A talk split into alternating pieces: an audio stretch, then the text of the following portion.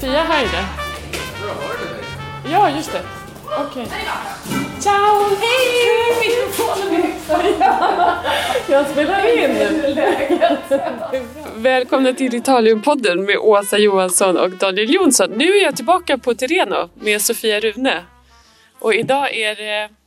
Nu ska vi se. Det är... Vilket datum är det? 28? 30 oktober va? Ja, Har vi- 30 oktober, just det. Jag tror att vi har kommit hela vägen dit. Oj, ja. Så det var över en månad sedan vi träffades. Exakt. Var är vi nu i arbetet, eller var befinner vi oss nu när det gäller arbetet på vingården? Nu är druvskörden är klar. Eh, nu har vi fortfarande några som är som, som några tankar som jäser. Eh, vi har de eh, flesta av de röda vinerna har börjat den malolaktiska jäsningen. Vad betyder det?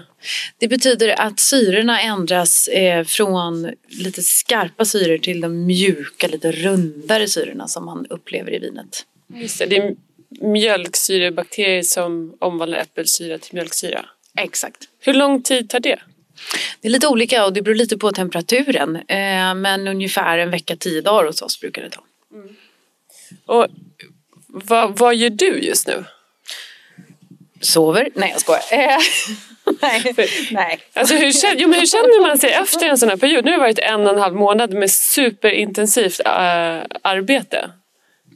Eh, det är ju, skörden är ju en, en viss anspänning så det är klart att när, den väl, när druvorna väl är inne så slappnar man ju av lite grann och då känner man plötsligt den här tröttheten som kommer över en. Så igår gick jag och la mig klockan 20.35.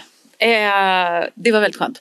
Nej, men nu, nu eh, laddar man ju om lite grann och börjar, börjar följa, vi följer de här vinerna väldigt noga och provar av alla fat eh, och alla tankar hela tiden för att se exakt hur de, hur de mår. Och om det är någon av dem som behöver special eh, in, eller vad säger man, specialbehandling lite grann. Om det är någon som har blivit lite reduktiv eller om det är någon annan som behöver någon, någon extra uppmärksamhet. Vi, har, eh, vi provade igenom allting igår kväll och vi har 62 olika lotter. Alltså 62 olika tankar egentligen. Det är Efter jättemycket. Ja, så att all, och alla behöver ju sin speciella uppmärksamhet. Man kan säga att det är som att ha 62 olika små barn som alla behöver sin egen läxläsning och sin egen eh, eh, uppmärksamhet. Och då när ni provade som igår, då, då provar ni varje tank. Eh, och då är det du och vilka är det mer som provar vinerna, eller ja, vinerna nere i källaren?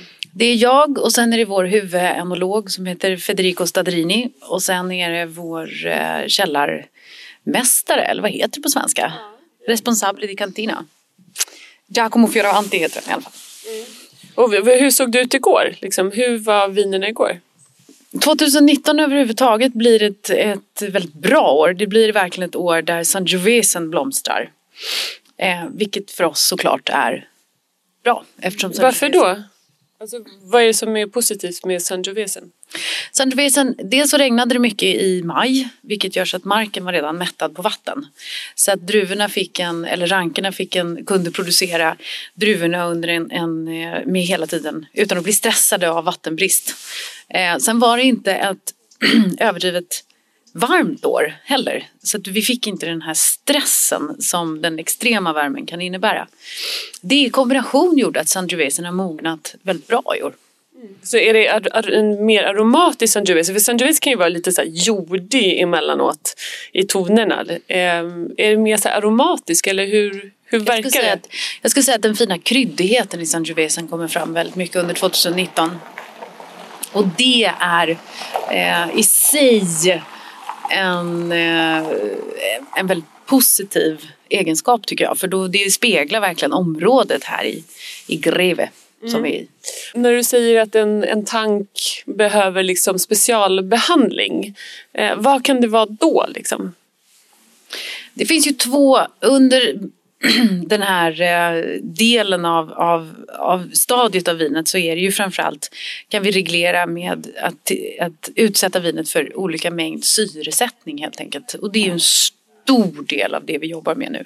Hur många ompumpningar, hur många batonage, hur mycket syre ska de här vinerna utsättas för för att bli bra? Ska de få ligga kvar på sin fällning? Ska de inte ligga kvar på sin fällning? Ska man röra om fällningen i vinet? Och så vidare. Alla de här frågorna som de ändå ställs inför. Och sen måste vi ju börja utvärdera hur pass lite eller mycket orkar de med vilken typ av fat. För snart ska de ju in på trä. Eh, och då måste vi utvärdera hur kraftigt vin är det för att kunna och i vilket fat ska vinet sen komma. Gud vad många beslut att ta. Ja, det är väldigt mycket beslut. Eh, det är många beslut och det är det som är, gör vinen en så fantastisk eh, resa. För det är väldigt många beslut under många år som till slut gör ett årgångsvin. Det är lite så sliding doors. Ja. Så många små beslut som gör att man hamnar på en viss plats. Ja, det skulle man faktiskt kunna säga. Och tar du ett felsteg så ändras ju eller tar du ett steg åt vänster istället för höger så ändras ju hela vinets liv egentligen. Precis som våra liv. Mm. Och sen har ni börjat med olivskörden också. Ja, eh, faktiskt några veckor tidigare än vad vi brukar. Så att i år blev nästan vinskörd och olivskörd samtidigt, vilket var eh, lite chockartat för oss alla. Eh, oliverna i år eh, har haft lite, lite, lite för tuff, tufft egentligen i år. Till skillnad från vinerna. Så vi valde att plocka tidigt och ju tidigare man plockar desto fler nyttiga ämnen finns kvar i oliverna. Mm. Fast mindre mängd olja? Exakt. Mm. Så vi kommer få kanske hälften mängd olja vad vi brukar få. Okej. Okay. Um, ehm, jag tror det är bra så här. Jag tror vi ska gå och vila båda två. Det har varit en intensiv månad av resande och skörd och en, en massa annat. Så vi ska gå och sova middag nu som man faktiskt får göra i Italien. Vi ska gå och sova siesta. Ehm, men vi ses snart igen. Vi ses i december antagligen här på gården igen. Du är välkommen tillbaka. Tack så mycket. Tack, tack. Ciao. Hej, ciao.